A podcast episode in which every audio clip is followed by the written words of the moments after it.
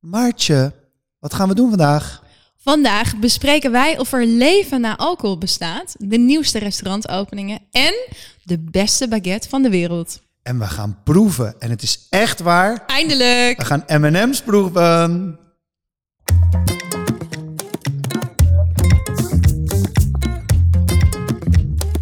Professionele eters Maartje Nelissen en Gijsbrecht Brouwer vreten zich sneller door het laatste foodnieuws dan door een zak M&M's.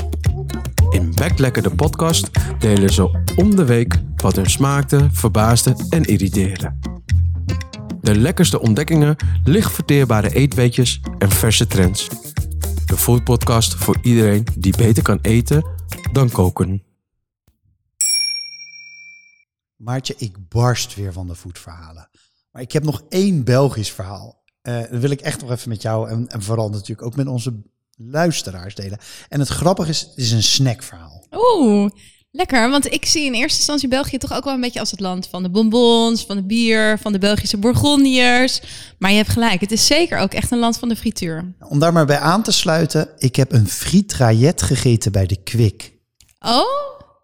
En dit, dit, maar hou, wacht. Dit klinkt echt als een soort gewelddadige overval waarbij er friet wordt afgevuurd. Daar zou ik wel bij willen zijn. Ik ken wel, ja, daar zou ik ook bij willen zijn. Maar ik ken wel de mitraillet. Dat is, eh, volgens mij eet je dat bij de snackbar toch in Frankrijk? Dus een soort Frans broodje, of in ieder geval met niet al te spannend vlees, met friet ertussen. Klopt. Wat je zegt, het is eigenlijk een soort stokbroodje, Ja. friet erin en dan kan er iets van vlees in, hamburgers, Ja. wat dan ook. En vaak ook sla, een beetje de, de, de Franse De versie. Ja, echt. En, maar het is dus niet Frans, het is gewoon Belgisch. Ja, ik zou je dus echt eerlijk zeggen, mij trekt het dus helemaal niet. Ik weet wel dat jij dus al jaren heel enthousiast bent dat Hot Mama Hot dit ieder jaar volgens mij op Lowlands maakt. Ik, ik zou je eerlijk zeggen, ik heb het nooit gegeten, maar ik ben wel benieuwd naar je versie van de Kwik. Nou, het, grappige is, mensen die Quip niet kennen, het is eigenlijk de, de Belgische nationale versie van de McDonald's. Ze hebben een eigen Mackie, hebben ze. En ze hebben dus een, hun standaard burger, daar hebben ze dus, want het is een burgertent, dus daar hebben ze dus friet op gedaan. Dus het is niet op een stokbroodje, maar op een Ah, hamburger. Precies, dat is het verschil. En ze noemen dat dus de Ja. Ik vind dus die naam wel echt geweldig. Maar er was een rel, want op de mitraillet zit ook een friet. Ja, dit was een of andere Belgische komiek die echt, eh, die ging weer helemaal over TikTok heen. Die vertelde dus dat, ja, dat kan niet, want op een mitraillet zit al friet. Dus een fritraillet, er zit dan dubbel friet op. Maar ja, voor mij dus nog een reden om maar bij de kwik langs te gaan Ik natuurlijk. snap het. Ja, je had me ook een filmpje gestuurd die twee minuten duurde zonder tekst en uitleg. Dat jij twee minuten lang de fritraillet aan het eten bent. En Klopt. ik dacht echt heel even Wat van, waarom gebeurt hier? stuur je dit? Wat gebeurt? Volgens mij was ik echt op zondagmiddag. Eh, toch? Ja, nee, het was waar. Het- Ik, ik was niet helemaal in goede vorm in het begin in Brussel, zoals ik vorige keer al zei. In de afgelopen Close van jou en dat broodje. Dus ik heb uiteindelijk op zondagochtend, toen we naar huis reden, zijn we nog even van de snelweg afgegaan, een kwik opgezocht. En heb ik hem besteld. En het is dus een burger, gewoon een normale burger. Ik hou mijn handen nu even in de burgervorm. En daarop zitten van die super dunne, echt crispy, crispy frietjes.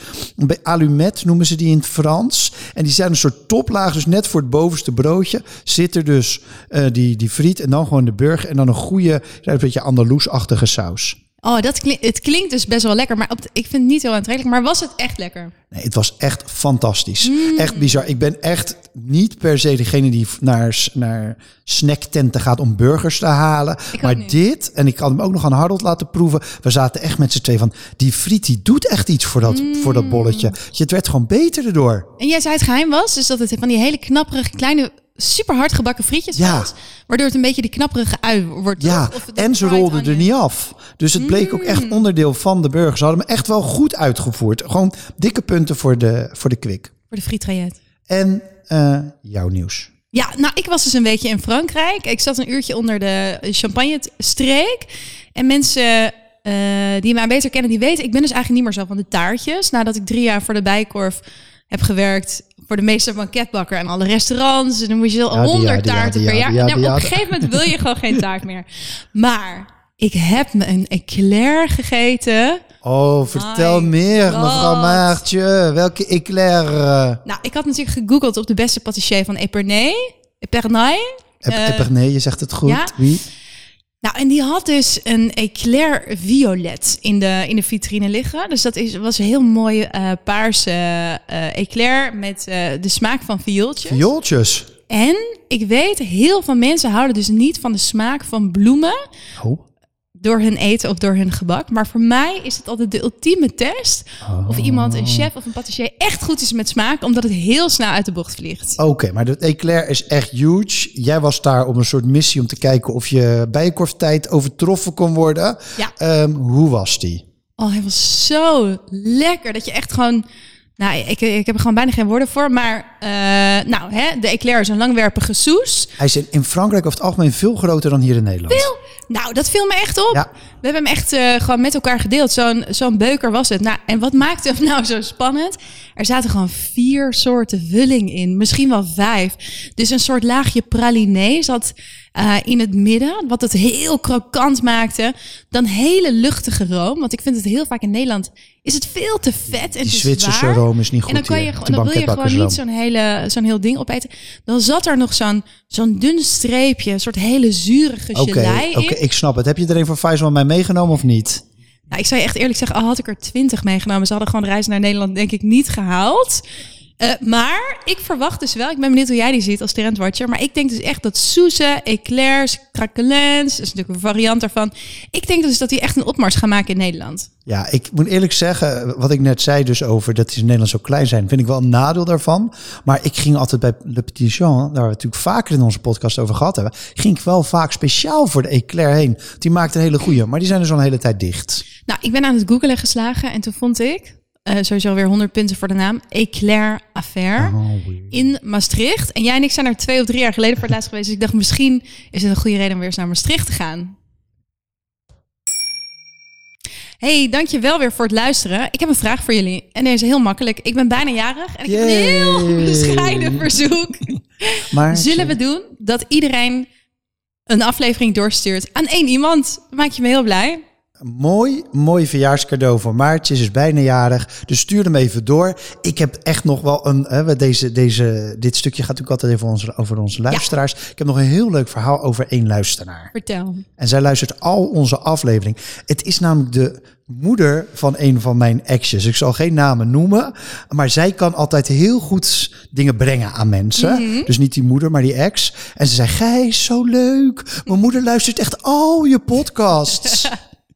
Dus nou ja, toen kwam ik laatst die moeder weer tegen ergens op een evenementje. Dus wij lekker praten en was hartstikke gezellig. En op een gegeven moment inderdaad zegt ze tegen mij... Nou Gijsbrecht, ik luister echt al jullie podcast. Want ik val er zo heerlijk bij in slaap.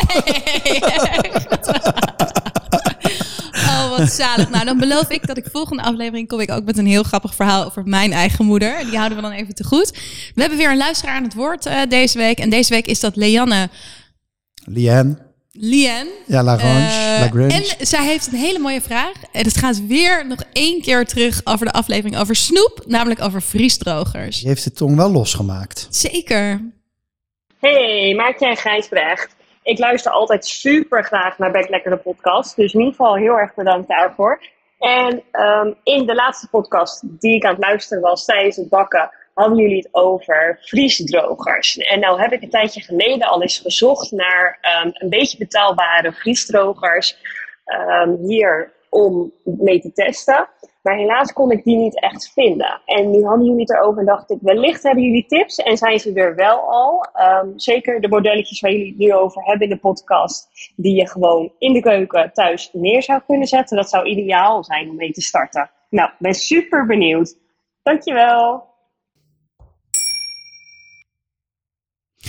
Ja, ik vind het dus best wel. Ik ben allemaal soorten smerige snoep aan het eten. Dat heb ik nu al een paar keer bekend.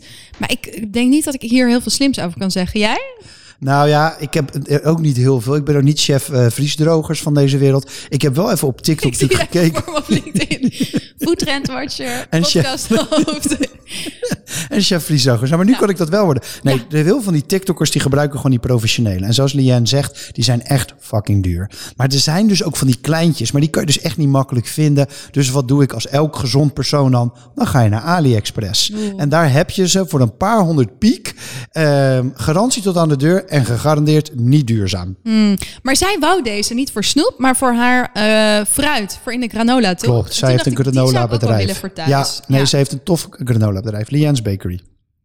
En dan is het nu tijd voor... Food news. Hey, wij krijgen van veel luisteraars terug dat ze de tips die wij noemen over nieuwe restaurants en bars en plekken waar we zijn, waar jij en ik zijn geweest, dat ze die eigenlijk het allerleukst vinden. En nu zet jij met je team van de buik sowieso elke paar maanden alle nieuwe restaurantopeningen in Nederland op een rijtje. Wat is je daar opgevallen? Nou, Als je even kijkt met name naar, naar het Amsterdamse, natuurlijk ook wel Utrecht en, en, en Rotterdam. Vier zaken vielen op. Hè, dus ehm, meer... Ja, en dan ge- bedoel je niet restaurantzaken? Nee, sowieso. We gaan de restaurants zo nog noemen. Vier algemene dingen, overkoepelende soort van mini-trendjes in de Randstad. Ten eerste, ehm, meer buiten het centrum. Mhm. Eh, te dure hotels. Meer, en dan zeg ik maar even in air quotes, klassieke keukens. Want daar wil ik mijn vingers niet aan branden. En natuurlijk meer bakkerijen. Want dat blijft ook nog even doorgaan. Ja, die vinden we niet vervelend. Eh, dat van die wijken, of dat dus meer zaken buiten het centrum open gaan, die zie ik zelf ook al best wel langer in Amsterdam. Dus de uithoeken van Oost, dieper in Noord. Eh, sowieso aan elk mooi hoekpadje past wel een nieuwe buurtkroeg of een nieuw, eh, nieuw concept. Ja, meestal van de drie wijzen van Oost als je het over, over Amsterdam hebt. Maar je gaat zelfs verder. Ook, wij zagen in Amsterdam, zagen we ook in Zuidoost, in Ja. Nieuw-West, Weesp, Durgedam, Monnikendam. Ja, daar hadden wij het ook over in aflevering 17. Dat is bij mij om de hoek, Durgerdam. En ze staan zelfs in de Vogue. En in de laatste nieuwsbrief van Havermelk Elite werd het benoemd. Vond ik echt opvallend. Dat er blijkbaar een hele internationale eh jetset cliëntele Het was zich niet hier echt jetset hoor. Het waren echt Nee? een beetje muffige Britse mensen die er zaten. Oh. Als ik het verhaal van Jonas in de Havermelk niet Oh, goed gelezen had. Maar, en één ding, wat dus eigenlijk niet nieuw is, natuurlijk, is dat er in niet-centrum zaken open gaan. Want ik bedoel, we hoeven niet te doen alsof er alleen maar binnen de ring horeca is. Of alleen in Amsterdam of Rotterdam.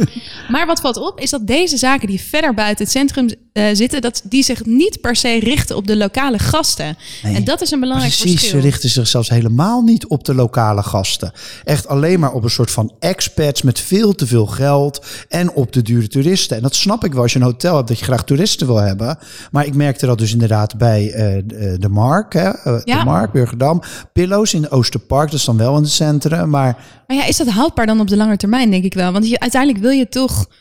Durgedam is wel, het is echt best wel uit de stad. ja, en ik denk ook dat je het nooit redt op alleen maar. Nee. Zeker, misschien een hotel wel. Het hotel maar restauranten wel, ja. moeten gewoon telkens Ja. nieuwe mensen in hebben. Dus ik denk ook wel dat ze daar terug van zullen komen hoor. Ja, we gaan het zien. Nou, en jij noemde net al air quotes. Het tweede punt wat ons opviel was die klassieke keukens. Die blijven heel erg populair. Volgens mij is dat ook wel inherent aan tijden na de crisis. Of hè, we zitten in honderd verschillende ja. crisissen. Eh, eerder in deze podcast eh, bespraken we al hoe enthousiast we waren over het net geopende Riverbar in Rotterdam, waar we samen mochten eten. Troef in Amsterdam ben ik nog niet geweest, maar daar zie ik ook echt Veel overeenkomsten in die komen. kaart. Ja. Ja. Ehm, ik zag ook veel Italiaanse keukens, Franse keukens, et cetera, voorbij komen. En wat mij dan opvalt, alles heeft zo'n beetje zo'n je ne sais quoi nonchalance. Ja. Maar toch ook hele eh, ja, mooie Franse verfijning. Dus hè, wat eet je bij dit soort zaken? Witte asperge met vanille of kreeft zie je op de kaart bij Troef. Eh stracciatella burrata. En echt dan de mooist bereide beef Wellington bij de Riverbar. Ja, dus het, wat mij eigenlijk opvalt, het zijn herkenbare gerechten voor ons is Europeanen dat dan. meer hè? dan klassiek, ja. Ja, en eh, denk bijvoorbeeld nu ook in Barguy, hè, de nieuwe zaak van Guillaume de Beer. Daar Mhm. gaat hij dus zijn eigen Bretonse roots eer aan doen. In Trattoria Breda, waar we het vorige keer ook even kort over hadden, gaan ze lekker vol uit Italiaans. En in Utrecht is een zaak geopend met de mooie naam Papi's Comfort Kitchen. En die doen klassiek Engels breakfast. En dan heb je in Rotterdam sinds een paar maanden Enoteca. En daar hebben ze weer heel mooi Frans eh, brood, heel mooi Frans eten. Een beetje Frans-Italiaans achter en bijpassende wijnen ook. Mm. Ik herken dus wel dat ik dus zelf ook echt zin heb in dit soort eten en dit soort keukens in deze tijd. Op de een of andere manier. Ik wil gewoon een beetje comfort. Ja, het geeft ook gewoon zekerheid, vastigheid, Ja. een beetje, eh, ja, het, eh, ja, het verzekert je een beetje. Het geeft je wat, ja, ja dat. het beter. Nou, wat viel verder nog op? De voormalige chef van Bout, Angelo, die opende kort geleden Giten in Amsterdam-West. Nou, die heeft ook een prachtige kaart. Ik denk met, Gitaan, eh, maar Oké. Op zijn Frans. Eh, en die eh, serveert gerechten zoals een hele mooie artichok of scheermessen met tonka boter. Eh, nou, en wat ik zelf persoonlijk hoop, is dat dit soort zaken ook nog gewoon heel erg groente in de hoofdrol houden. Precies. Nou, dat weten we. Daar hebben we het vorige keer natuurlijk ook uitgebreid over gehad. Staan we nog steeds achter. Ja. Bakkerij Hoos blijft. Niet te veel woorden aan wel maken, denk ik. Ik denk dat iedereen dat om zich heen kan zien. Als laatste heb ik speciaal nog één restaurantje voor jou en voor onze luisteraars bewaard. Oh jee. Oh ja, nou inderdaad, echt oh jee. Het heet Woof and Me. En je raadt het al, het is een café voor honden en hun baasjes. En natuurlijk... Zit het in Amsterdam-Zuid of niet? Waar zit het eigenlijk? Oh, dat moet ik opzoeken. Het zit, eh, ik denk de Pijp of Zuid. Oh, ja, ja, ja, ja, ja. En het is natuurlijk eigenlijk eh, Amsterdamse, dit kan je het niet krijgen. Want natuurlijk die hele, die hele Amsterdamse grachtengordel-elite heeft allemaal zo'n hondje wat je onder je arm mee kan nemen. Of in zo'n veel te duur tasje kan stoppen. En die moeten natuurlijk puppuccino's ergens Oh. krijgen. Ja, wat drinken ze dan daar? Ja, ze? nou ja, je hebt dus human treats en dog treats. Ehm, en alles heeft, echt alles heeft een slechte woordspeling, Oh. sorry. Dus je hebt een Beagle Benedict en een Barkfast Fest sandwich. Ik ga er helemaal van stotteren. Ja, ik heb de hondenkaart er even bijgepakt. Die is eerlijk gezegd niet heel veel beter. Dus de Papicino zal wel een van de hardlopers zijn. En er is ook een woof in. Ehm, nou, ik hou toch even bij die nieuwe zaken die gewoon een hele lekkere, aantrekkelijke mensenkaarten hebben. Als je het niet erg vindt. Dan laten we de hond maar thuis. Maartje, hoe bevalt jouw min of meer gedwongen alcoholvrije leven je eigenlijk tot nu toe? 18 weken of zo, dacht ik. Ja, min of meer is gewoon heel erg gedwongen, inderdaad. Nou, ik zal je eerlijk zeggen, die eerste weken gingen heel goed. Dus ik had echt nul moeite met laten staan. Ook omdat ik gewoon echt heel beroerd was. Wat ik veel moeilijker vond, is dat ik denk ik vier, vijf weken helemaal geen koffie heb gedronken. Omdat ik er vet beroerd van werd. Maar ik zal je eerlijk zeggen, vorige week met mijn vrienden in Frankrijk...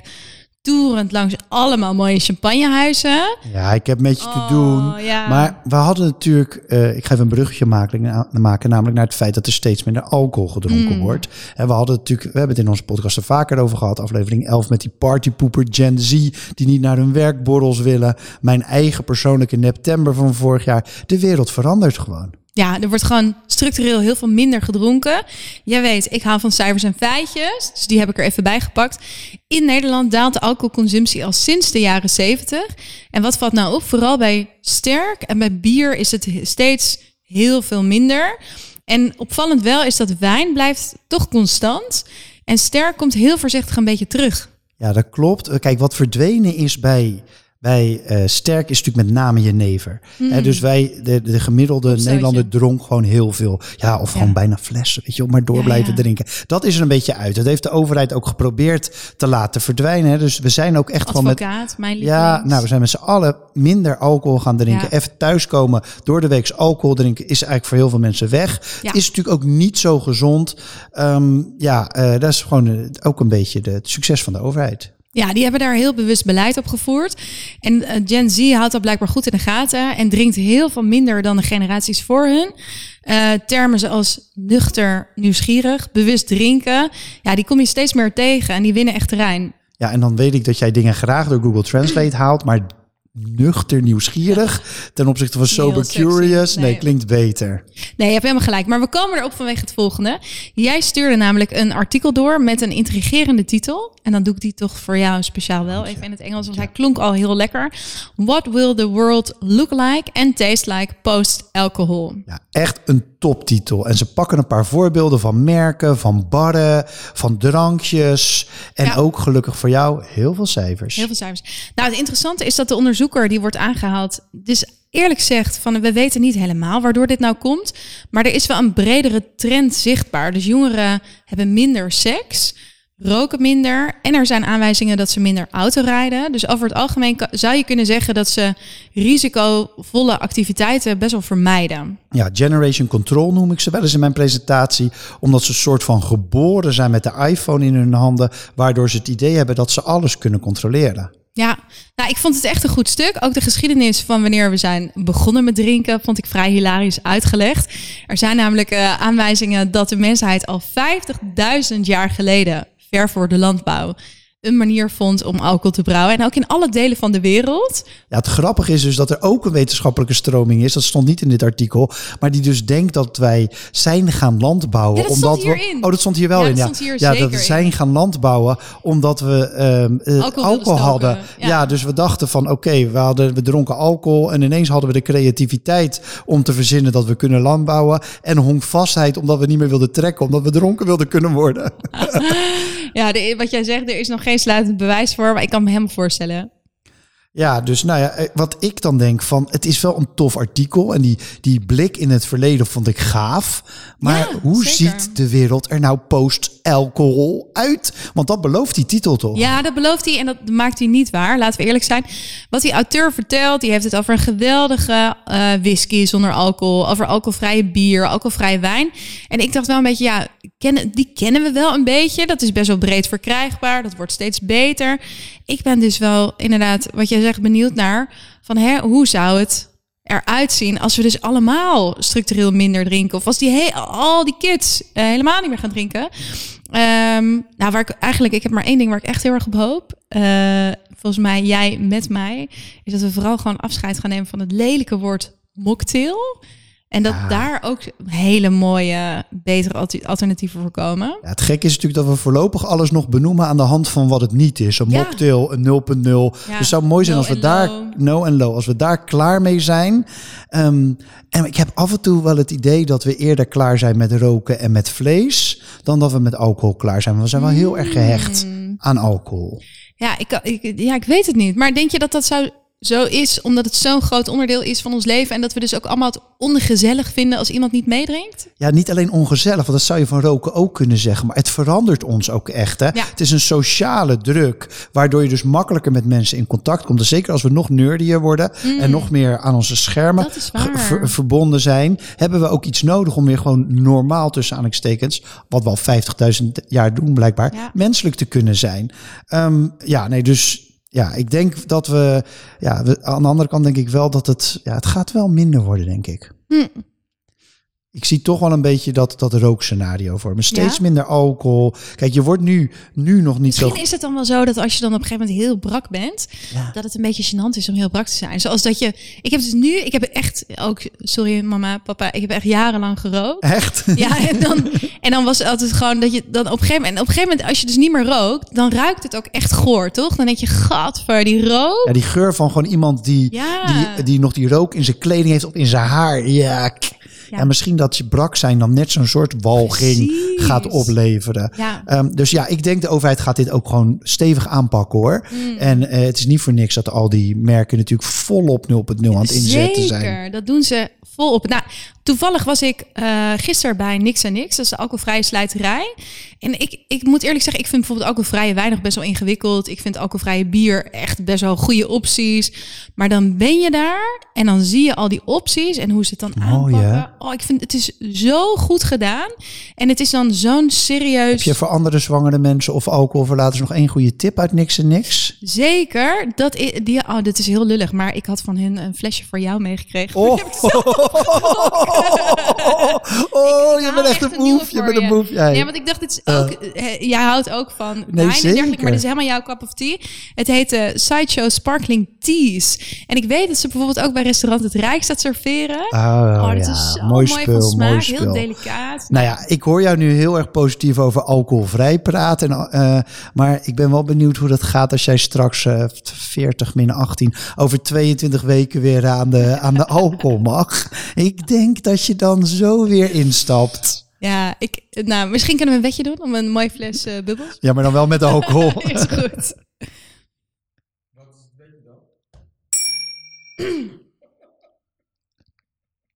En wat is het wetje dan, zegt eh Faisal. Ik weet niet of het in de uitzending Wat was of wetje? daarnaast. Nee, ik heb wel vertrouwen in. Wat ik wel echt denk is dat ik heb al, zeg maar in ieder geval door de week niet drinken.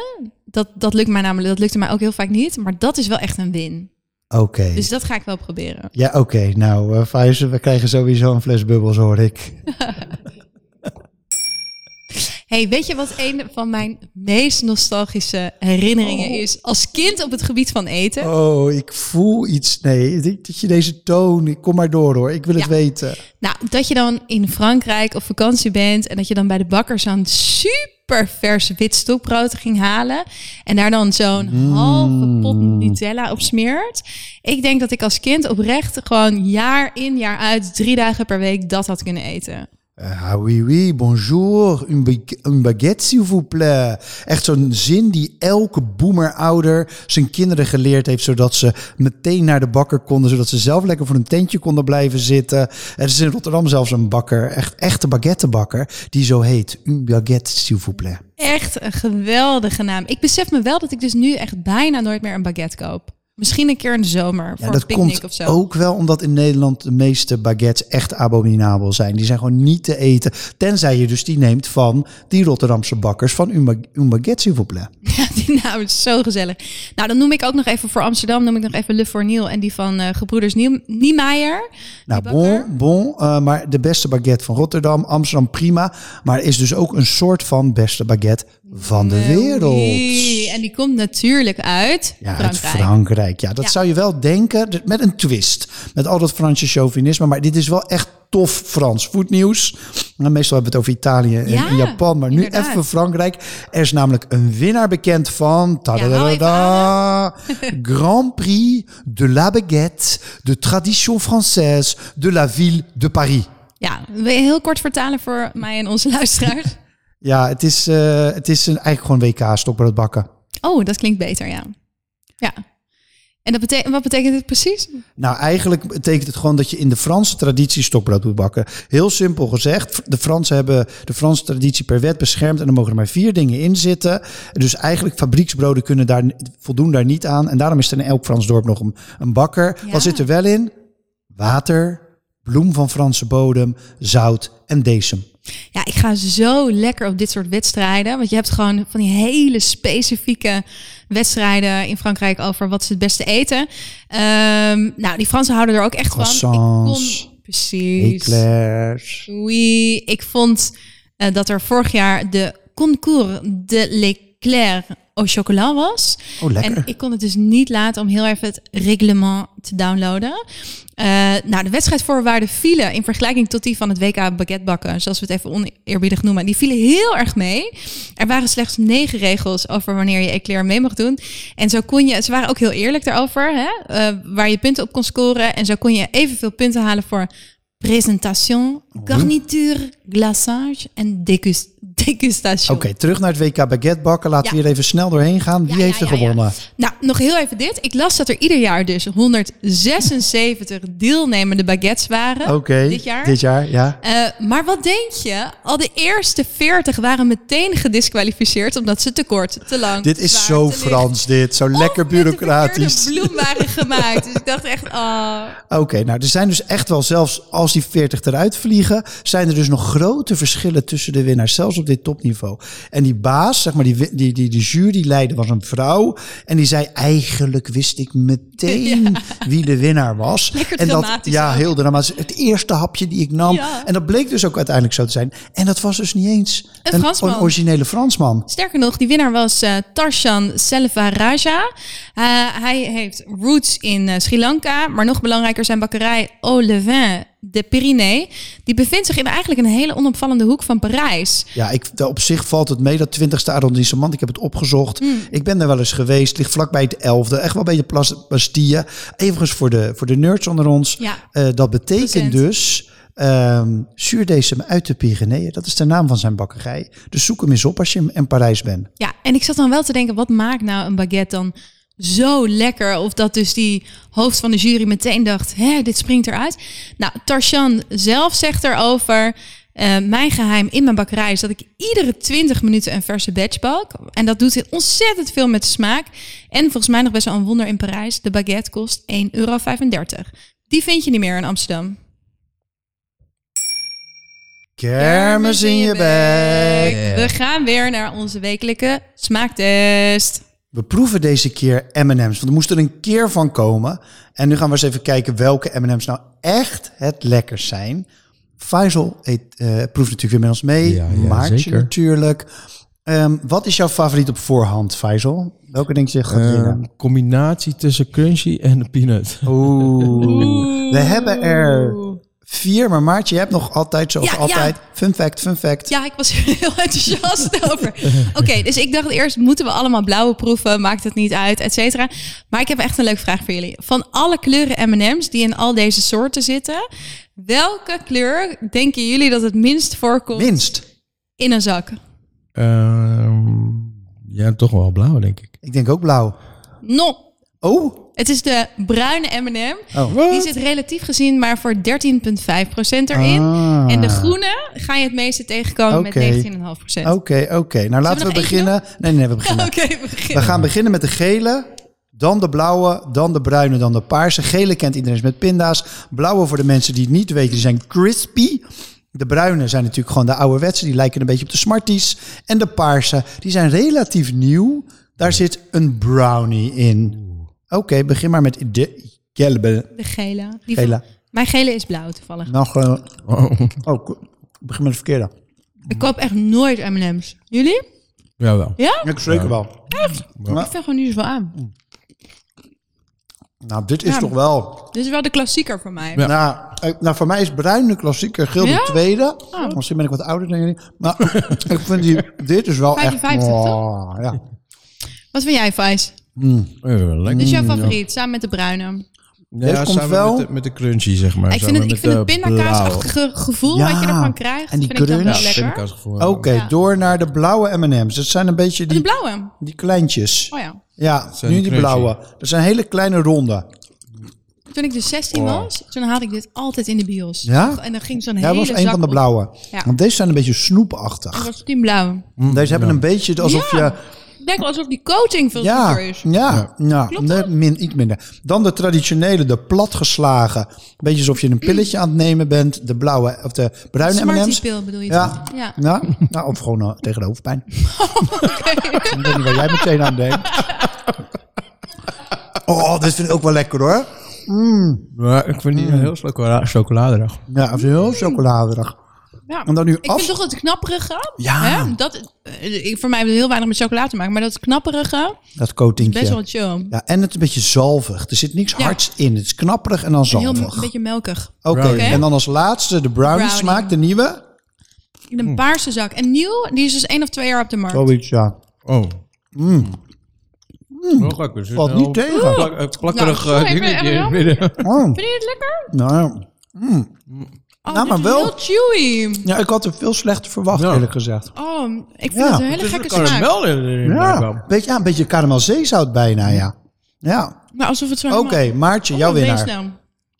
Ehm, de bruine. Bruine Quer Classic. Faisal. De gele. Bij mij ook de gele Faisal. En ik zijn weer team winning. Gele M&M is het lekkers volgens Back Lekker de podcast. Zo leuk feitje.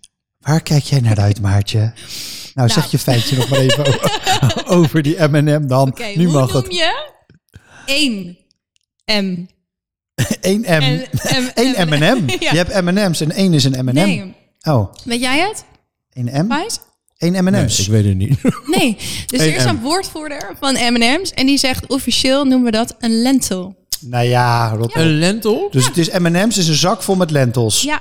Met linzen. Yes. Gek. Nou, ik zal Oké, je uit waar je kijk je- verlossen. waar kijk je naar Waar uit? kijk ik naar uit? Ik ben bijna jarig, ik had het al genoemd. Eh, nou, ik vier dat eigenlijk al jaren niet echt meer. Word je maar ik dacht, 29 is toch een bijzonder Alweer jaar. toch? Alweer. Al voor de zeventiende keer? Nee, ik word 36. Oh ja, oké. En ik dacht, en ik heb het echt jaren niet gevierd. En nu dacht ik, ik neem gewoon allemaal vrienden mee. Dus we gaan dimsummen zondag bij eh Sea Palace. Oh ja, je had mij ook uitgenodigd, toch? Zeker. Kom je nog? Ik mag agenda checken. Waar kijk jij naar uit? Nou, heel simpel. Eh, dit weekend, eh, na dit weekend, dus niet op zondag, maar komt mijn broer vanuit New York naar, de, naar Nederland. En wat gaat hij doen? Als het goed is, neemt hij, maar dat mag ik, dat heb ik niet aan hem gevraagd, maar daar vertrouw ik op. Luistert hij de neemt hij, podcast? Heb eh, soms, soms. veel genoemd. Ja, eh, maar neemt hij dus altijd nieuwe verse koffie mee uit New York. Oeh. En het aller waar ik natuurlijk het meest naar uitkijk, heb het over gehad hier in de podcast, is die crispy chili oil van David Chang. Dus daar kijk ik wel snap ik. echt naar uit. Dank je wel weer voor het luisteren. Dit was Back Lekker de podcast vanuit Bunk in Amsterdam-Noord. Dank aan Gold Kimono voor deze lekkere tune. En natuurlijk aan Faisal voor het meeproeven en de geweldige productie. Vind jij dit een leuke podcast? Stuur hem dan door naar een van je vrienden. Doe het ter ere van Maartjes verjaardag. Vergeet niet onze podcast te raten in je podcast-app. En heb jij nog goed nieuws? Laat ons vooral weten via Instagram of LinkedIn. Je vindt ons als je zoekt op Back Lekker de podcast. Tot over Electric swing. twee weken. Tot over twee weken. Sorry, ik dacht echt wel dat jij zou.